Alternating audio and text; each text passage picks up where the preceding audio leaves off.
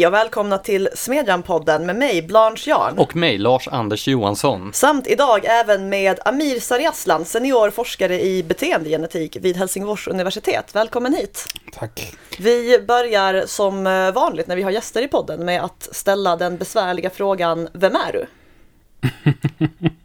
ja, eh, jag är eh, som du sa forskare i beteendegenetik. Eh, jag har ägnat eh, senaste decenniet åt att förstå varför folk blir våldsamma i Sverige. Eh, vad det kan bero på eh, och konsekvenser av det. Vi kommer ju att komma in ganska mycket på din forskning om ett tag. Okay. Då tänkte jag att vi bara kan avverka innan dess. Vad gör du när du inte forskar?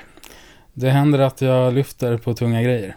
För vi vill eh, bara uppmärksamma lyssnarna på att eh, det här är nog de största biceps vi har haft i podden hittills. Och ändå är det ett schysst konkurrens. Jo, absolut. Det här är ju vårt viktigaste kriterium när vi bjuder in gäster. Men det är också trevligt att du kan saker om ett forskningsområde. Ja.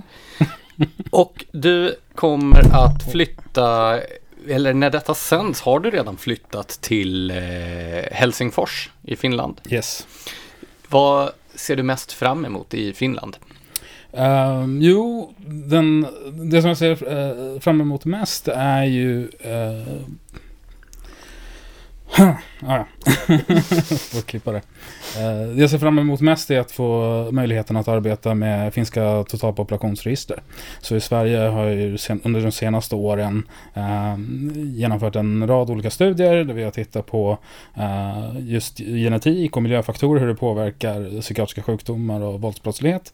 Eh, men nu har vi då möjligheten att kombinera det med finska register också så att vi kan eh, ställa betydligt fler frågor och mer intressanta frågor och gå in på djupet av uh, hur de här orsakerna förhåller sig till de här utfallen. Det finns ju en fördom som säger att finländare är våldsamma till sin natur och slåss med kniv och sådär. Kan det vara det som har lockat? Nej. det konsumeras även mer alkohol där än i Sverige per capita. Precis. Alltså, det där kan också... det varit det som har lockat? Nej, alltså, jag, jag dricker väldigt sparsamt dessvärre. Så att uh, det är inte på, för min egen del så är det inte det. Men just de här faktorerna som ni nämner som särskiljer den finska befolkningsgruppen i genomsnitt kontra den svenska eh, är ju väldigt intressanta. Och se om vi kan dels replikera de fynd som vi har eh, upptäckt i Sverige men dels om eh, man kan hitta intressanta skillnader och vad det kan bero på. Ja, så du väljer ju mycket att forska i så här misärfrågor om så här kriminalitet och fattigdom och utsatthet och sådana saker. Varför tycker du det är så kul? ja, just det där kallades ju för eländesperspektivet en gång i tiden när jag jobbade på Institutet för social forskning. Uh, nej, alltså jag vet inte. Jag har alltid varit intresserad av uh, just uh, social marginalisering på olika sätt och hur problemområden kan ansamlas hos en individ genom dennes livsförlopp. Liksom. Det är väldigt sällan att en person har ett problem. Utan de här problemen brukar överlappa med varandra. Och, sen så, och då är det intressant att veta hur ser orsakerna ut, hur ser mekanismerna ut, kan man göra någonting åt det, etc.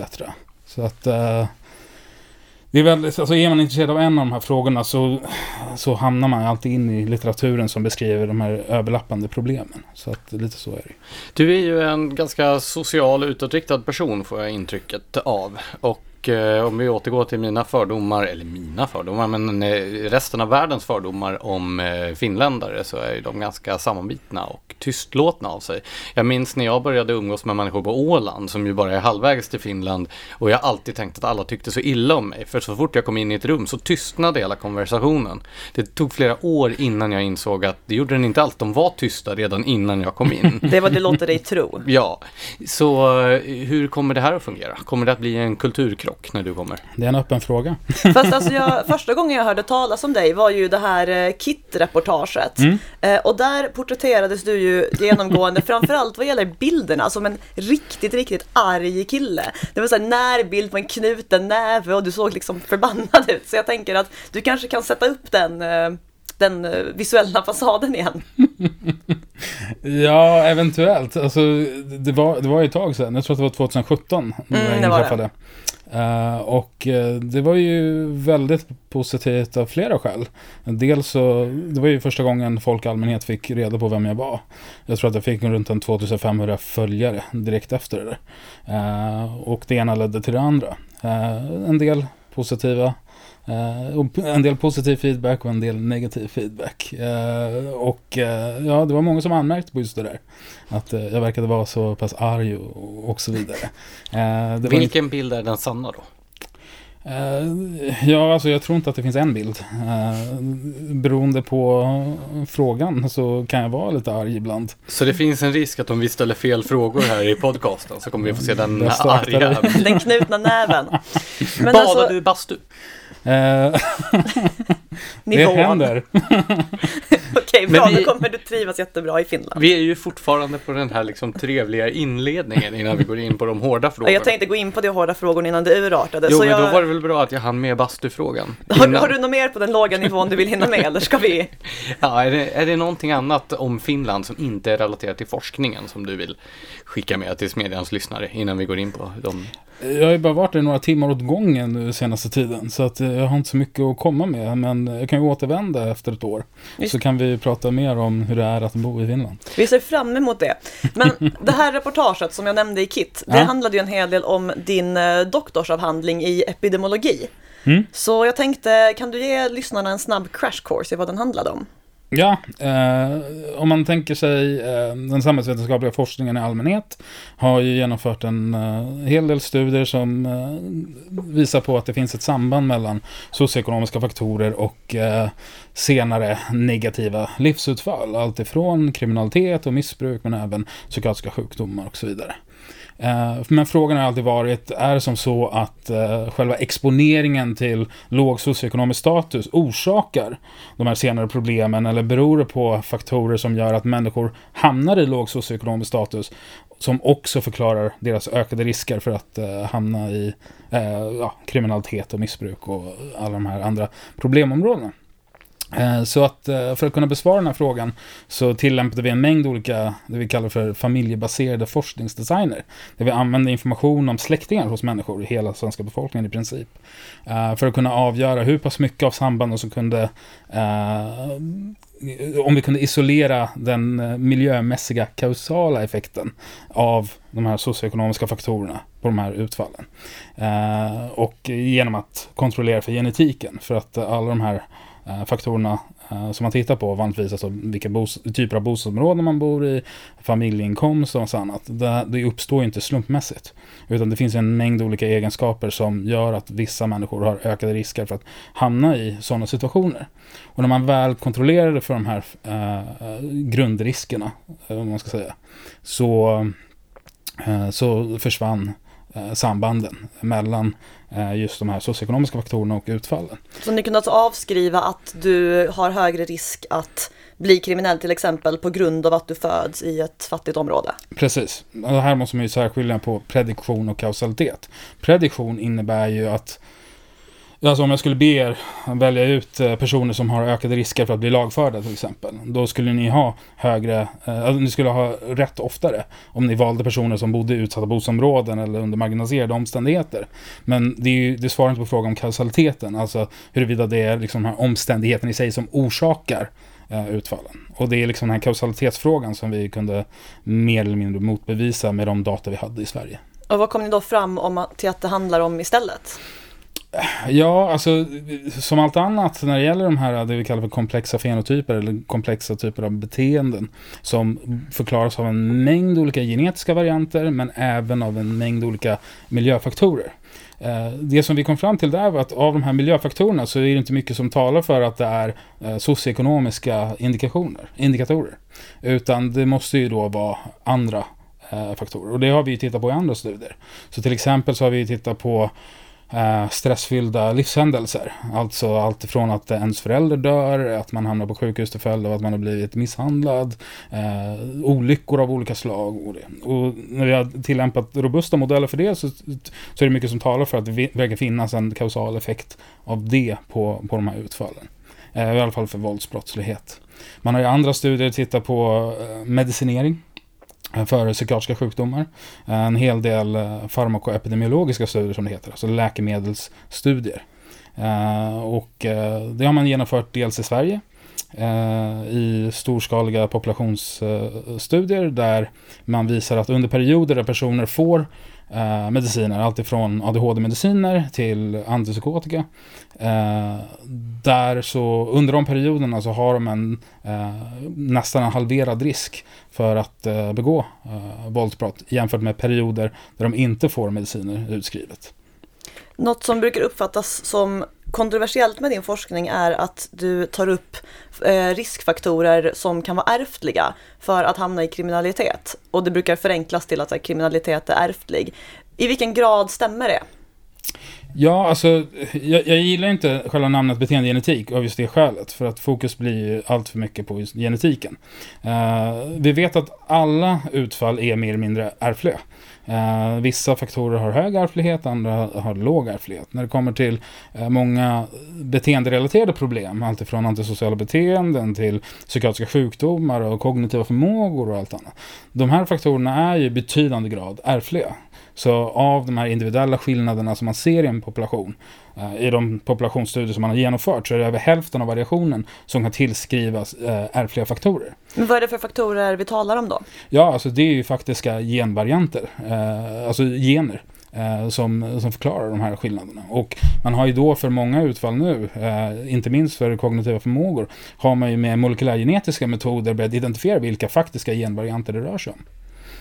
Så att eh, det, det, finns ju, men, men med det sagt så innebär det ju inte att genetiken förklarar allting. Alltså det, vi, det här rör sig inte om någon genetisk determinism. Eh, liksom att ja, men du föds med en uppsättning eh, gener och då har du ett givet utfall baserat på det. Nej, det stämmer ju inte. För att i så fall då skulle ju enäggstvillingar ha exakt lika utfall genom livet och det har de inte. Så absolut att naturligtvis kan man inte förklara allting med genetik. Däremot den här typen av forskningsresultat kan de användas för att avfärda en del av de slutsatser som har dragits inom till exempel sociologisk och kriminologisk forskning som utgår just från att det är eh, socioekonomiska faktorer som är den huvudsakliga anledningen till att människor blir kriminella. Ja, eh, som jag var inne på lite tidigare så vet vi ju numera även att socioekonomiska faktorer är i betydande grad ärftliga i sig. Eh, och det ska vi diskutera bland annat eh, själva mekanismerna och hur det kan vara som så. Eh, men i och med att eh, även alltså, no något som att bo i ett utsatt bo, bo, bo i ett utsatt bostadsområde i Sverige i vuxen ålder. Där har vi ju funnit till exempel att den ärftligheten för det är ju runt 65 procent. Uh, så om du föds i ett utsatt bostadsområde är det alltså 65 procent risk att du själv... I. Om du uh, hamnar om, där som vuxen? Som vuxen. Om man tittar på risken att hamna i ett, uh, att bo i ett utsatt bostadsområde mellan 30 till 31 till 35 års ålder. Av de individuella riskskillnaderna som man observerar så kan 65 procent av dem tillskrivas ärftliga faktorer. Och det här har ju replikerats även i Skottland och eh, några andra ställen nu eh, där det är ännu högre ärftlighetsestimat för, eh, för just det. Och om man säger det på det här sättet då, då ryggar ju folk tillbaka. Vad betyder det? Alltså, finns det någon gen som säger att jag ska bo i Bromma eller någon annanstans? Nej, alltså då måste man tänka på vilka är det som bor i utsatta bostadsområden? Jo, det är personer som eh, har en svag arbetsmarknadsanknytning. Varför har de det? Jo, förmodligen för att det inte har gått så bra för dem i skolan. Varför har de inte gjort det? Ja, men då vet vi att det finns en mängd olika individegenskaper, alltifrån kognitiva förmågor till impulsivitet och personlighetstyper och massa annat, som predicerar eh, skillnader i skolprestationer.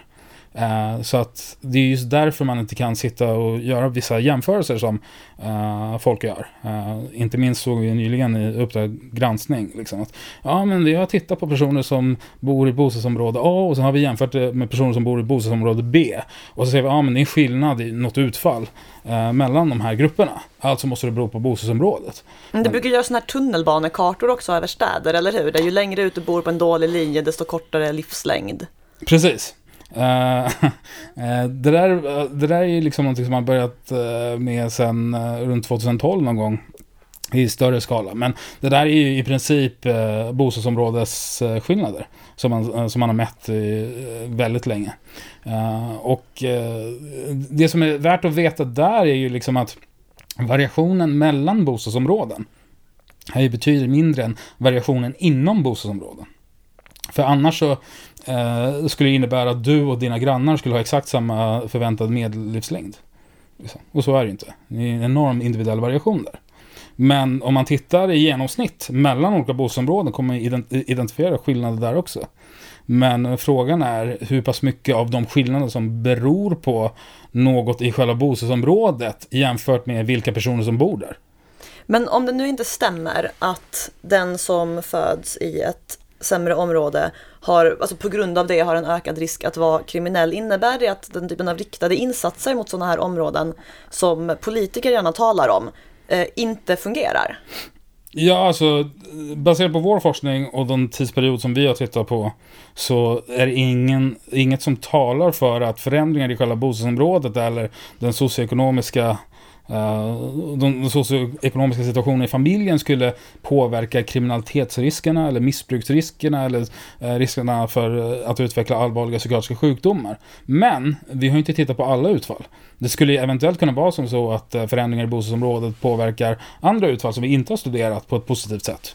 Eller negativt sätt, vem vet? Det så, måste man ju undersöka. Så den politiker som skulle vilja jämna ut eh, skillnaderna i liksom, chanser man föds med eh, och då inte vill förstöra för dem som har bäst chanser utan öka chanserna för dem som har det sämst istället. Vad, skulle den, vad borde den sikta in sig på? Ja, det är en bra fråga. Tack. Upplever du att man inom det kriminologiska fältet tar den här typen av genforskning på samma allvar som man tar forskning kring just socioekonomiska faktorer? Nej, det är klart att man inte gör det, men det beror ju på att de har en ganska robust eh, sociologisk inriktning på, på saker och ting. Eh, och eh, det gäller ju inte bara eh, liksom, kriminologer inom akademin, det gäller ju även våra myndigheter. Uh, inte minst Brottsförebyggande rådet och massa andra. Jag menar, om det är ett gäng statistiker och sociologer och jurister som sitter där. Då är det klart som fan att uh, de väldigt sällan refererar till psykologisk litteratur i allmänhet. Och inte beteendegenetisk litteratur i synnerhet. Alltså jag tittade ju väldigt översiktligt på eh, deras rapporter och försökte söka mig fram till. Ja, men har de någon information om genetik? Ja, väldigt knapphändig och missvisande och felaktig i de enstaka fall det ens nämndes. Och det här är ju liksom en myndighet som har ett kunskapsuppdrag. Eh, och det är ju väldigt intressant liksom, att man har ett kunskapsuppdrag. Vi har någonting som i Sverige förklarar över hälften av variationen eller de individuella riskskillnaderna. Att, att eh, liksom ägna sig åt våldsbrottslighet. Det ignorerar man helt. Kan inte det här hänga ihop med att idén att ens gener skulle ha en sån stor påverkan på vad, hur ens livsutfall kan komma att bli, den är rätt obekväm för många människor. Ja, men återigen, det där handlar om en felaktig bild av genetiken som deterministisk. Alltså man talar ju aldrig om determinism i, i, i relation till miljöfaktorer. Vilket är ju liksom tabula rasa i princip. Jag menar, vem som helst har ju lika förutsättningar att klara livet givet att de får uh, rätt miljöfaktorer. Eh, uh, liksom, eller rätt miljöexponeringar under livet. Och det, det, det ser man ju som mer eller mindre deterministiskt. Uh, det talar man ju aldrig om. Miljödeterminism är inget problem. Men däremot så talar man ju alltid om genetisk determinism. Och återigen, det handlar inte om genetisk determinism i det här fallet. Utan gener spelar roll. Det spelar en stor roll för de utfall som jag är intresserad av. Men det betyder inte att, det, att miljöfaktorer är oviktiga, tvärtom. Miljöfaktorer är väldigt viktiga. Nu måste vi ta reda på vilka gener är viktiga och vilka miljöfaktorer som är viktiga. Eh, att bara snöa in sig på korrelationer och titta på, ja ja, eh, folk som eh, växer upp under sämre omständigheter, de har i genomsnitt högre chanser att, eh, eller risker att bli lagförda. Det är inte särskilt fruktbart. Jag tänker så här, nu är du visserligen partisk kanske i förhållande till den här mm. frågeställningen, men eh, är det inte så att eh, sociologiska slutsatser där man överhuvudtaget inte tar hänsyn till genetiska faktorer borde vila på ganska lös grund? Alltså det, det, handlar inte om genetik i sig. Alltså genetiken, alltså med genetisk information så kan man komma närmare kausalitetsfrågan. Ett annat sätt att göra det är ju att tillämpa randomiserade studier, vilket man borde göra i betydligt högre utsträckning än man gör idag. Eh, problemet har ju varit historiskt sett att man har sagt så här, ja men man kan ju inte randomisera vilka som blir fattiga. Alltså så kan vi inte göra särskilt mycket åt det, men nu har vi de här robusta, storskaliga studierna där vi tittar på enkla korrelationer. Och de visar på ett samband. Och därför måste det vara viktigt. Uh, alltså, och det, som, det låter väl rimligt i många öron. Uh, men det de inte vet då är ju liksom att vi i dagsläget har väldigt lite information om vilka interventioner som fungerar. Varför har vi det? Jo, för att vi inte vet vad som orsakar kriminalitet. Alltså det är en av de här grejerna som jag alltid brukar, eh, jag brukar skoja till det när jag är ute och föreläser för praktiker och andra eh, som jobbar med de här frågorna. Och inte minst kriminologer och lite annat folk. Är ju, eh, brukar ställa frågan okej okay, men ja, ni är kriminologer, jättetrevligt. Eh, då kan ni väl nämna vad som orsakar brott.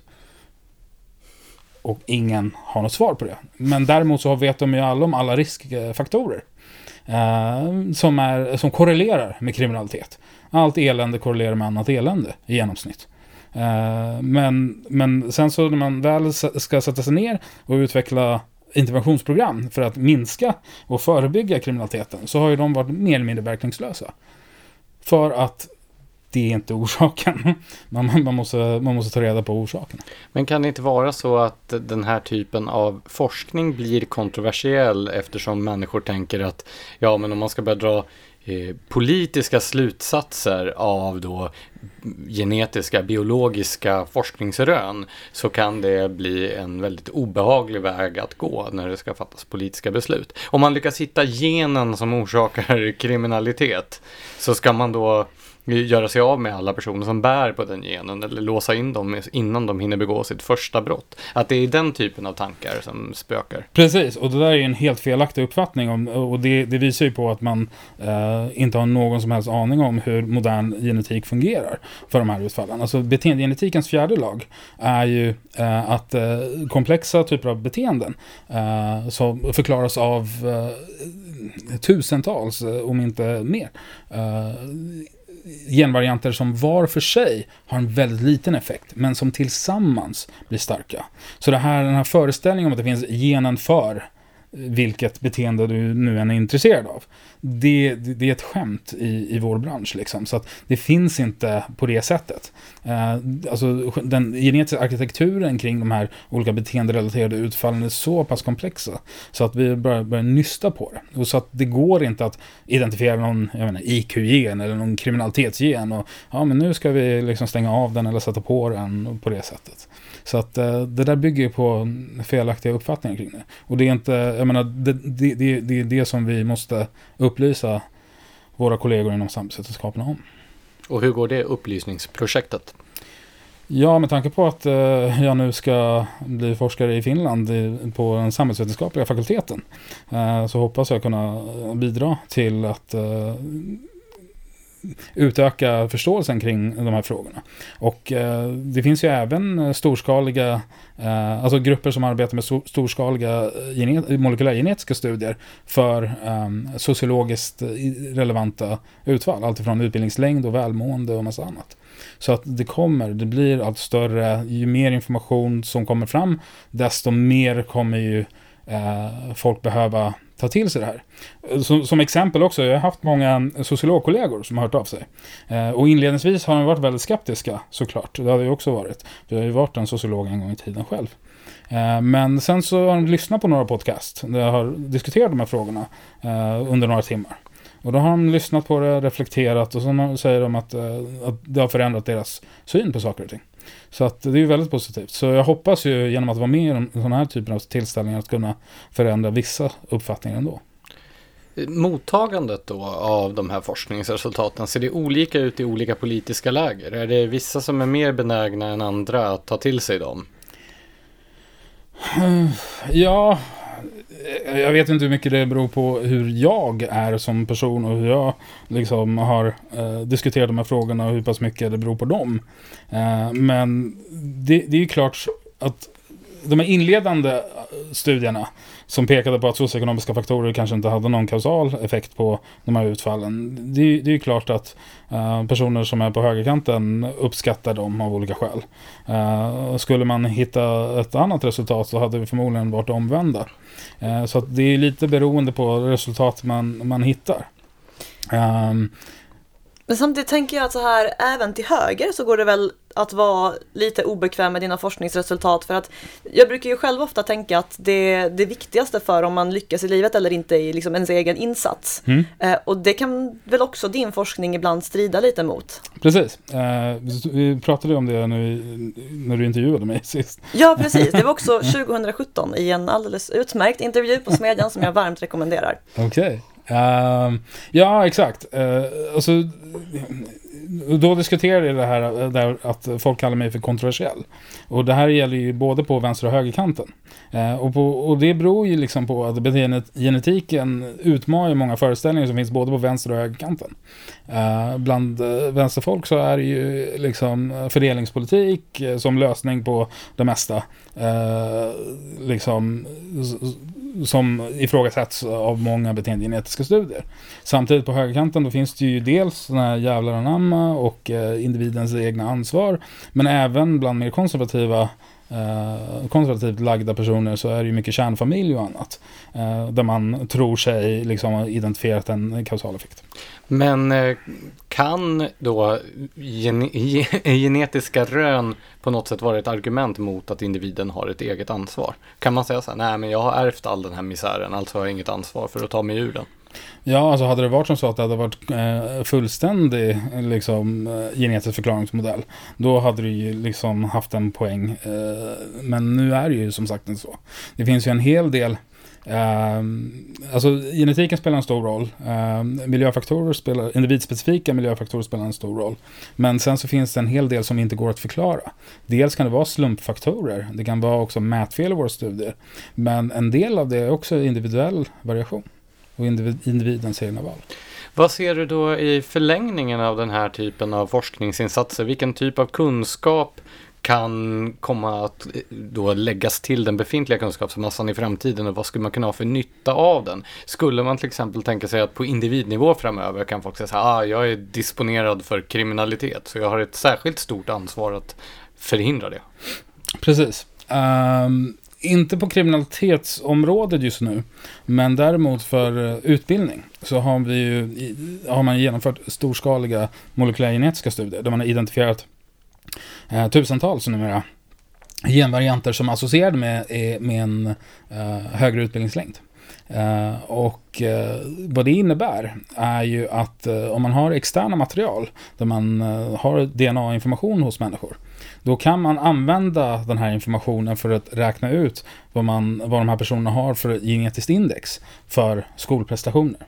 Och det här genetiska indexet det kan kombineras med miljöfaktorer för att kunna predicera sannolikheten för att det ska gå bra eller mindre bra i skolan för, för folk.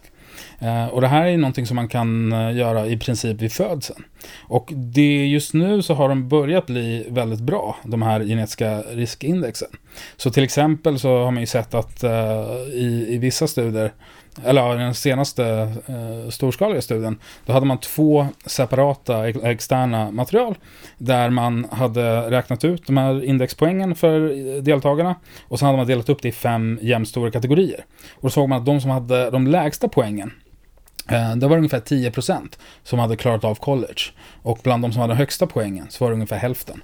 Så att eh, det, det är en ganska betydande effekt eh, på ändra sida av fördelningen av den.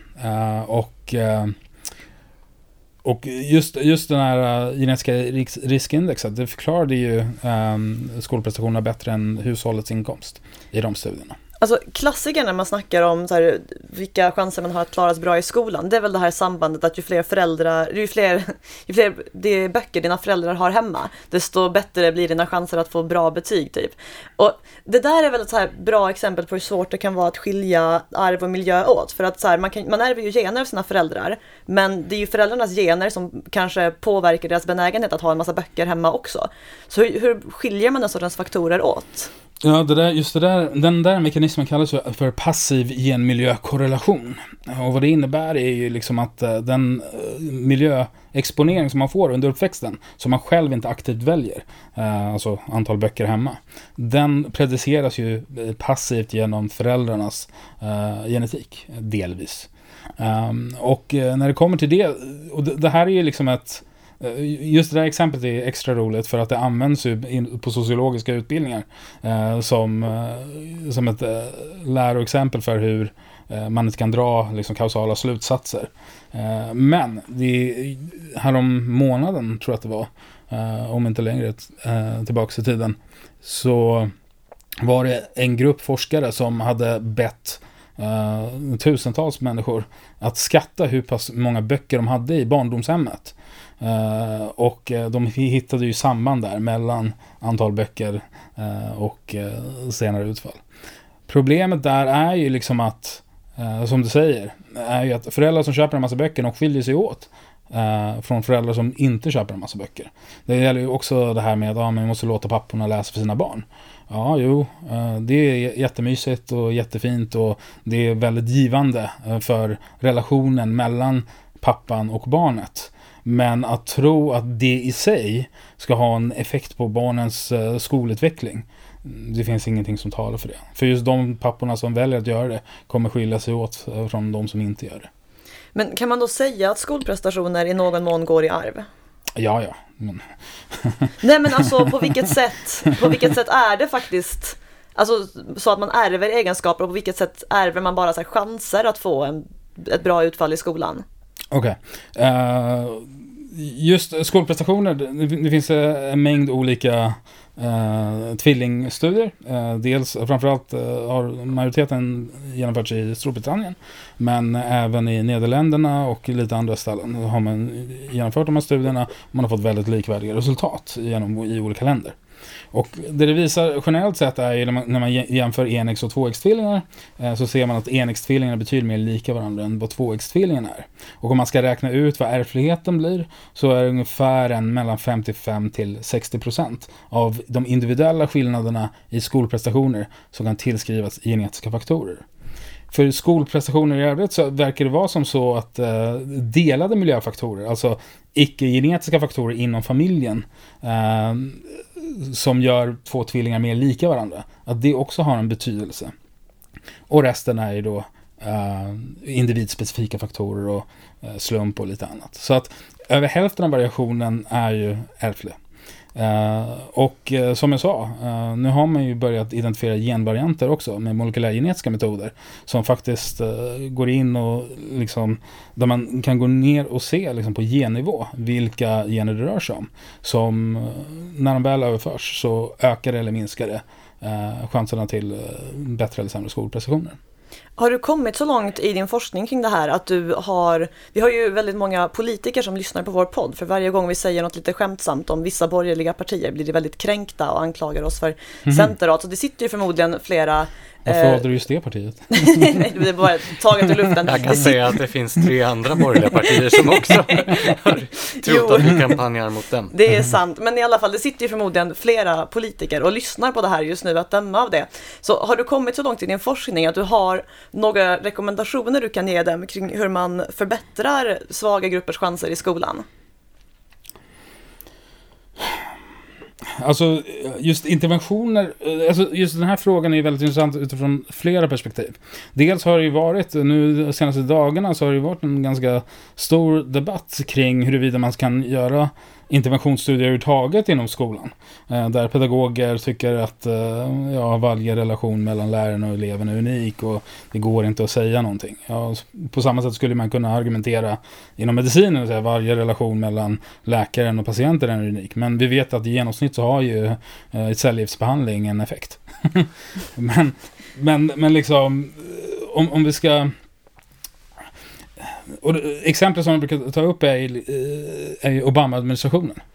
Eh, där hade de ju ett explicit mål om att minska de här skillnaderna som man såg i skolprestationer genom att rikta olika typer av resurser och, olika, och etablera en mängd olika interventionsprogram som riktades till de mest marginaliserade barnen eh, i de mest utsatta bostadsområdena där. Och eh, efter då, och det här kostade ju 3 miljarder dollar. Eh, det är en saftig summa. Exakt, det kan man göra ganska mycket för. Och eh, ja, precis innan avgick så, eh, så kom ju slutrapporten ut. Och där såg man att det inte fanns några som helst effekter på läsförståelse, matematikkunskaper, hur många som klarade av high school och hur många som kom in på college. Fanns det några effekter på något? Nej. Ja, det var ju lite dåligt. Jag vill minnas att du liknade det här vid Lyxfällan senaste gången vi pratade om detta.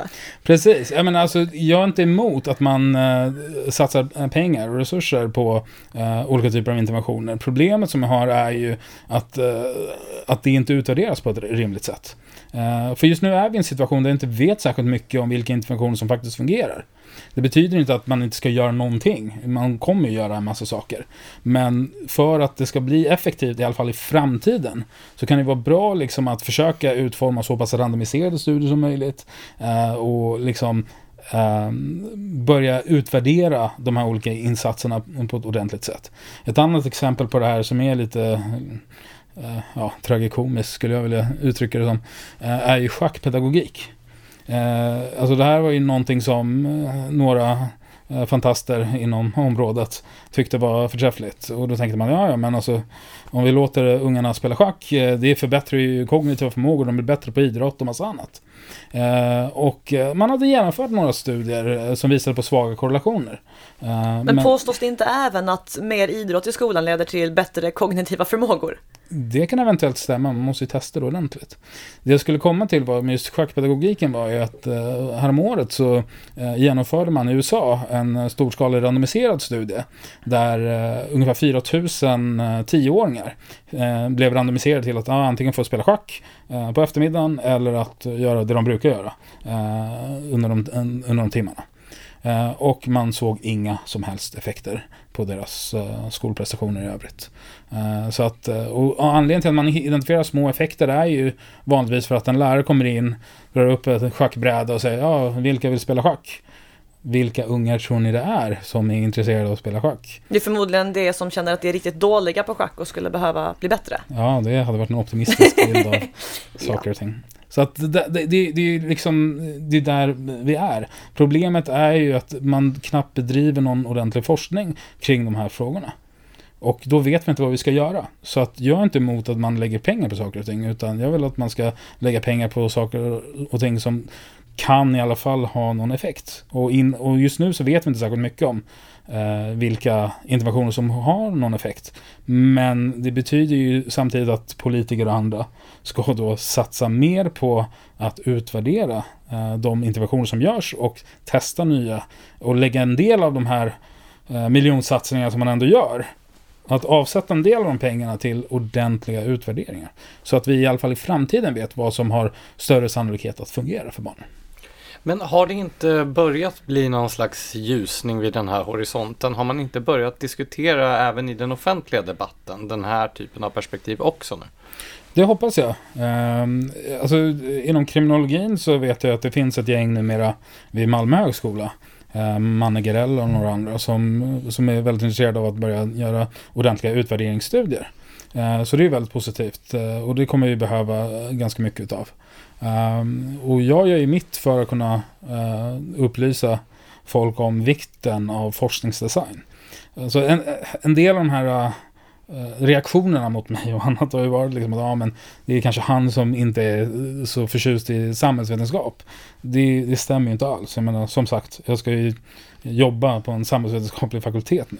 Min kritik har ju aldrig varit mot själva ämnena i sig. Min kritik har ju enbart handlat om metodologi. Men kan det inte vara att du betraktas som en avfälling då när du kommer från sociologin och sen har ägnat dig åt andra saker? Ja, det är eventuellt. Men alltså min, min, min drivkraft är just det här att vi vet inte vad vi ska göra med en rad olika samhällsvetenskapliga, äh, samhälleliga problem. Uh, och uh, innan vi börjar nysta i orsaker så kommer vi inte komma särskilt mycket längre. Så man kan sitta och eh, säga om det ena och det andra. Men just nu är vi i en situation. Jag menar, jag ger dig oändligt mycket pengar. Hur ska du förbättra skolan imorgon?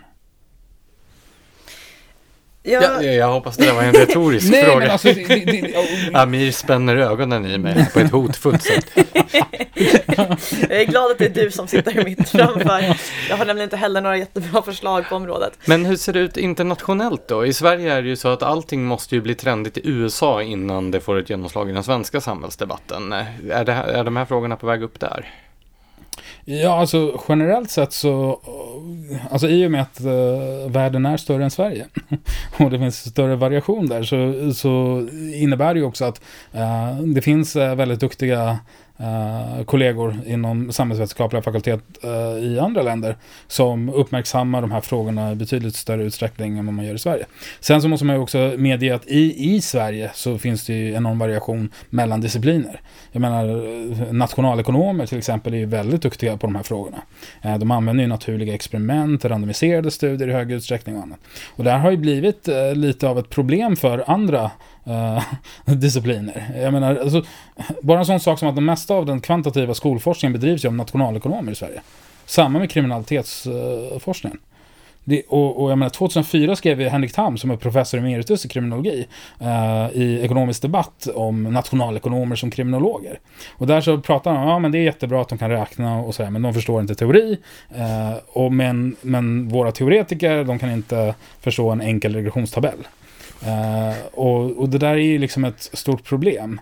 Uh, och det, det, samma gäller ju pedagogiken liksom. Och i, i pedagogiken så är det ännu värre för att uh, där, där, är ju ännu färre, skulle jag väl vilja hävda, att, som är ens intresserade av den kvantitativa forskningen. Alltså just det kriminologiska fältet har ju du genom din forskning gjort dig lite så här mindre populär inom.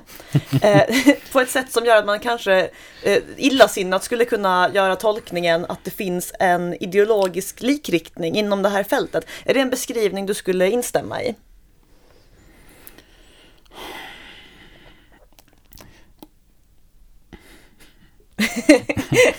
Behöver du ringa en vän eller? Nej men alltså det, det, är väldigt svårt att besvara den frågan, eh, för att den är väldigt komplex egentligen. Alltså det, det, det, är ju inte helt slumpmässigt vilka som bli, vill bli samhällsvetare. Det finns en selektionseffekt där. Även de. Även de. äh, även vi, skulle jag kunna säga. Äh, så att, och, och, jag menar, och har man läst den sociologiska litteraturen, som jag gjorde en gång i tiden, då är ju världsbilden ganska tydlig. Uh, hur ser mekanismerna ut? Uh, det vet man mer eller mindre. Och det är därför, jag menar, ni har säkert läst i medierna, uh, liksom att ja, men lösningar på dagens problem hittar man i 30-talets USA. de teorier som utvecklades där och då, liksom i Chicago-skolan och massa annat. och det är för att man har en given bild, inom vissa segment av kriminologin i alla fall. men det är också viktigt att Alltså, för här pratar vi om kriminologer i allmänhet. Jag tror att det, det du menar är liksom de sociologiskt orienterade kriminologerna. Vilket i princip gäller i Stockholms universitet. Eh, det är väldigt olika beroende på var man är. Alltså om man åker till Örebro. Där brukar bli inbjuden ganska ofta. De, är ju, de har en mer psykologisk orientering. Malmö högskola har en liten eh, variation där mellan eh, sociologi och rättspsykiatri. Skulle jag vilja säga. Så att det, det, det skiljer sig åt mellan olika lärosäten också. Så att det går inte att uh, dra allt för starka slutsatser. Men uh, generellt sett så, alltså, eh, jag skulle inte kalla det för en ideologisk lik, likriktning. Utan det, det bygger ju liksom på den litteratur de utgår ifrån. och de mekanismer som man lär ut om saker och ting. Och jag menar, som jag också tycker är väldigt bra på sätt och vis. Problemet är liksom när man tar dem som den enda sanningen. Uh, och liksom blandar ihop dem bara. Uh, utan att ta hänsyn till individuella skillnader, vilket är det största problemet jag ser uh, med den teoribildningen. Man talar om individuella skillnader men man ger dem ingen större vikt. vilket är ett stort problem. För att det är ju bara nyligen som eh, tongivande kriminologer eh, medger att eh, ja, ja, men eh, socioekonomiska faktorer kanske inte kan vara förklaringen i och med att så pass få av dem med låg socioekonomisk status faktiskt begår brott. Det här med identitetspolitik som är på modet nu då, borde inte det göra att intresset för genetiska egenskaper skulle skjuta i höjden? Jag menar, människors pigmenthalt anses ju, den tillmäts ju en otroligt stor betydelse i samhällsdebatten. för att inte tala om Y-kromosomen. Till exempel om man ska få skriva på kultursidor eller om man ska få jobb i public service eller sådär. Så borde inte det också vara intressant När, varför, varför diskuterar man inte den aspekten när det kommer till kriminalitet? Ja, det här är ju en något ledande fråga. Nej, men alltså det, det, det där är, är ju ett enormt problem som uh, jag vet inte hur, hur pass eh, djupgående man kan eh, gå in på det. Problemet är, och så återigen, jag, jag är ett eh, stor anhängare av samhällsvetenskaplig forskning. Problemet är att det finns vissa delsegment inom den samhällsvetenskapliga forskningen där det har gått helt åt skogen. Eh, och det här liksom såg man ju som tydligast nyligen med eh, den här så kallade Grievance Studies Hoax. Alltså kränkthetsstudiebluffen. Eh, uh, där var tre forskare, uh, eller en forskare med ja, Peter Boghossian som, som är filosof vid Oregon Uh, universitetet i Oregon. Uh, och sen är det James Lindsay som är matematiker och uh, Helen Pluckrose. de fick för sig att de skulle hitta på en massa vetenskapliga artiklar som var helt vansinniga. Det är och, ju extremt underhållande också. Exakt. och en, en av de studierna fick till och med ett pris. och den handlade då om uh, våldtäktskulturen på hundparker. där de hittade på mer eller mindre Eh, alltså det här publicerades i uh, en uh, tidskrift för feministisk geografi. Uh, och... var det här före eller efter att den här kvinnan på Södermalm föreslog könssegregerade hundparker? För jag tycker mig ana ett samband. Jag tror att det var innan det kom ut. För att jag minns att man relaterade den storyn till de här studierna. Mm. Uh, och... Uh, nej, alltså, gre grejen har ju varit liksom att uh, de här personerna som låg bakom den här hoaxen, de är ju själva väldigt mycket vänster. Och de anser ju liksom att den här identitetspolitiska vändningen har ju varit eh, väldigt... Eh, alltså att den, att den mer eller mindre har skadat vänsterrörelsen. Och att eh, de vill liksom tillbaks till liksom, grundfrågorna som man hade. Och inte till den här identitetspolitiska eh, dimensionen. Jag menar, alltså, i en av studierna har de ju översatt Mein Kampf till eh, intersektionalitetsspråk. Och fått det liksom accepterat. Eh, så att det, det det är helt vansinnigt.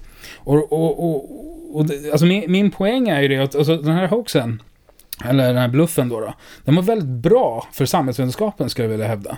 För att eh, vad man såg sen var ju att de här studierna, de publicerades bara i de här olika fälten som man kallar för kränkthetsstudier. De publicerades aldrig i ordentliga sociologiska tidskrifter, till exempel. Så där har man ju en ordentlig metodologisk eh, kritik kvar. Eh, och problemet, alltså det, det, finns många problem, men många av de här eh, fälten har ju uppstått till följd av att eh, som jag ser det, enligt min personliga reflektion, är ju för att eh, de inte skulle kunna få deras arbeten accepterade i traditionella fält. Jag menar, det finns ju alla, nästan alla etniska minoritetsgrupper i USA har ju ett eget fält nu. Jag menar, Asian American Studies, African American Studies. Varför måste man studera Eh, liksom den demografiska kategorin i fråga inom ramen för ett eget fält? Varför kan man inte studera det inom ramen för sociologi, historia, statsvetenskap, ja, you name it. Um, och en hel del av, av de här problemen har uppstått till följd av att de har utvecklat egna metoder som är helt vansinniga i, mitt, i min mening. Alltså en sån här uh, metod kallas för autoetnografi. Där det är mer eller mindre dagboksinlägg. Uh, och man, man, man rättfärdigar det genom att säga att ja, ja, det, ja vi skriver våra anekdoter, vi kopplar det till sociala institutioner och massa annat. Men alltså metoden är att man sitter och reflekterar i en dagbok? I princip. Alltså, det, nu kommer ju kritiker av mig eh, hävda någonting annat. Men man kan ju gå och titta på det själv. Alltså den här, den här metoden utvecklades av en forskare som heter Carolyn Ellis. Och i en av hennes senaste alster har hon skrivit hur hon sover tillsammans med sin partner i deras sommarstuga jämfört med hur hon sover hemma i deras eh, lägenhet. Liksom. Var sover hon bäst? det här är verkligen för mycket information alltså. Nej, men alltså det, det, det jag alltså, det, det, finns eh, i en av de här äh, högt rankade alltså, tidskrifterna kvalitativ metod. Äh, finns ju en, liksom en studie där en forskare på fullaste allvar sitter och skriver om att ah, men han vill kontakta en död koreansk trummis. Och metoden för att äh, göra det är att skriva fiktiva e-mails till den här personen. Alltså det här, är det här är liksom i en tidskrift som heter Qualitative Inquiry. Så att, eh, och det är, för att inte tala om liksom alla de här andra. Jag menar, det finns en doktorsavhandling som har utvidgat den här autoetnografiska metoden till duoetnogra en duoetnografi. Eh, vilket innebär, alltså själva titeln för avhandlingen, det här kan ni googla. Det är där, Wow, that bitch is so crazy. Är titeln för avhandlingen. Och den handlar om hur hon tillsammans med sina tjejkompisar eh, kollar på säsong 17 av The Bachelor alltså... University of Utah. Oj. Hur ser du på den pågående debatten om genusvetenskap som förs i Sverige? Ivar Arpi, ledarskribenten, håller på och skriver på en bok om genusvetenskapen. I Norge så drog man in den statliga finansieringen till genusvetenskaplig forskning efter att komikern Harald Eja hade då blottlagt ganska, den svajiga grunden som mycket av forskningen vilade på. Det där är en väldigt svår fråga, för alltså, ytterst så värnar jag den akademiska friheten. Eh, men samtidigt så ser jag ju stora problem inom det fältet. Eh, det är oftast inte så pass enkelt som motståndare till Ivar på genusforskarsidan brukar eh, göra gällande att ja, men vi har en pluralistisk förhållningssätt och att det finns folk som ägnar sig åt biologiska förklaringsmodeller också. Det är ytterst sällan. Och där har man ju, alltså ett, ett stort problem i det här sammanhanget är att det inte finns några systematiska översikter Eh, som, eh, som tittar på just det här. Det har varken genomförts några av genusvetare själva eller någon utomstående. Eh, Charlotta Stern, eh, en eh, docent i sociologi, hon genomförde en typ av översiktsstudie, men den var ju inte eh, komplett. och där så pekar det ju ändå på att det finns tydliga brister inom fältet. och kombinationen mellan genusvetenskap och de här alternativa metoderna som jag pratat om, alltså autoetnografi och sådär, är ju mer eller mindre förödande. Det som är intressant är ju liksom att många samhällsvetare som jag betraktar eh, liksom vara robusta och intresserade av forskningsfältet och annat, de känner inte ens till de här studierna. Så att, alltså, i och med att den här informationsmängden blir så stor så är det väldigt många som jobbar inom, alltså som forskar inom fälten som inte känner till hur pass illa det kan se ut. Och där så finns det ett stort behov av att uppmärksamma de här bristerna som finns eh, och så vidare. Jag menar, finns det en plats för genusvetenskap? Ja, potentiellt. Men då måste man ju liksom genomföra det på ett, på ett rimligt sätt. Eh, som jag ser det. Eh, men det är min personliga uppfattning. Hur står det då till med den akademiska friheten i Sverige generellt om vi lyfter blicken från genusvetenskapen? Ja, alltså, det, det är väldigt svårt för mig liksom, som enskild forskare att uh, uttala mig om hur det ser ut med generella tendenser. Jag, menar, eh, jag vet ju eh, alltså, den behandling som jag har fått. Uh, och den kanske inte är särskilt representativ för hur det är i övrigt. Liksom. Men generellt sett så alltså, det är ju ett problem att vara obekväm. Men jag tror inte att det är någonting så här jätteunikt eh, för Sverige i sig. Utan det här är liksom ett problem som jag har haft med utländska kollegor också. Jag menar, det är ju det är inte bara svenska forskare som sitter och granskar ens artiklar när man skickar in det till en vetenskaplig tidskrift. Utan det finns uh, mer eller mindre sakliga kollegor. Uh, det som jag kan uppfatta vara problematiskt med min forskning är ju att om jag liksom ska söka pengar i Sverige för olika forskningsprojekt som jag är intresserad av eh, så kommer de att bedömas av en liten klick eh, forskarkollegor som är mer seniora. Ehm, och eh, det jag säger är ju inte särskilt fruktbart för deras... alltså det, det, så har man ägnat en karriär åt att säga att saker och ting ser ut på ett givet sätt. Och sen så kommer det någon som säger att ja, förmodligen så kan det se ut på ett helt annat sätt. Så är det ju inte som så att man har incitamenten till att vilja främja det. Uh, hur pass stor roll det kommer spela, det vet jag inte. Uh, men jag kan ju tänka mig att det inte ligger mig i fatet. Att uh, ha, ha liksom kommit fram till de här slutsatserna. Och det som också är intressant är ju när vissa menar ju då att jag har gjort Eh, alltså jag gör allt det här som jag gör av karriärsskäl. Och då brukar jag be dem tänka på den kontrafaktiska situationen. Alltså vad hade hänt om jag med våra studier hade kommit fram till att socioekonomiska faktorer hade varit jättebetydande?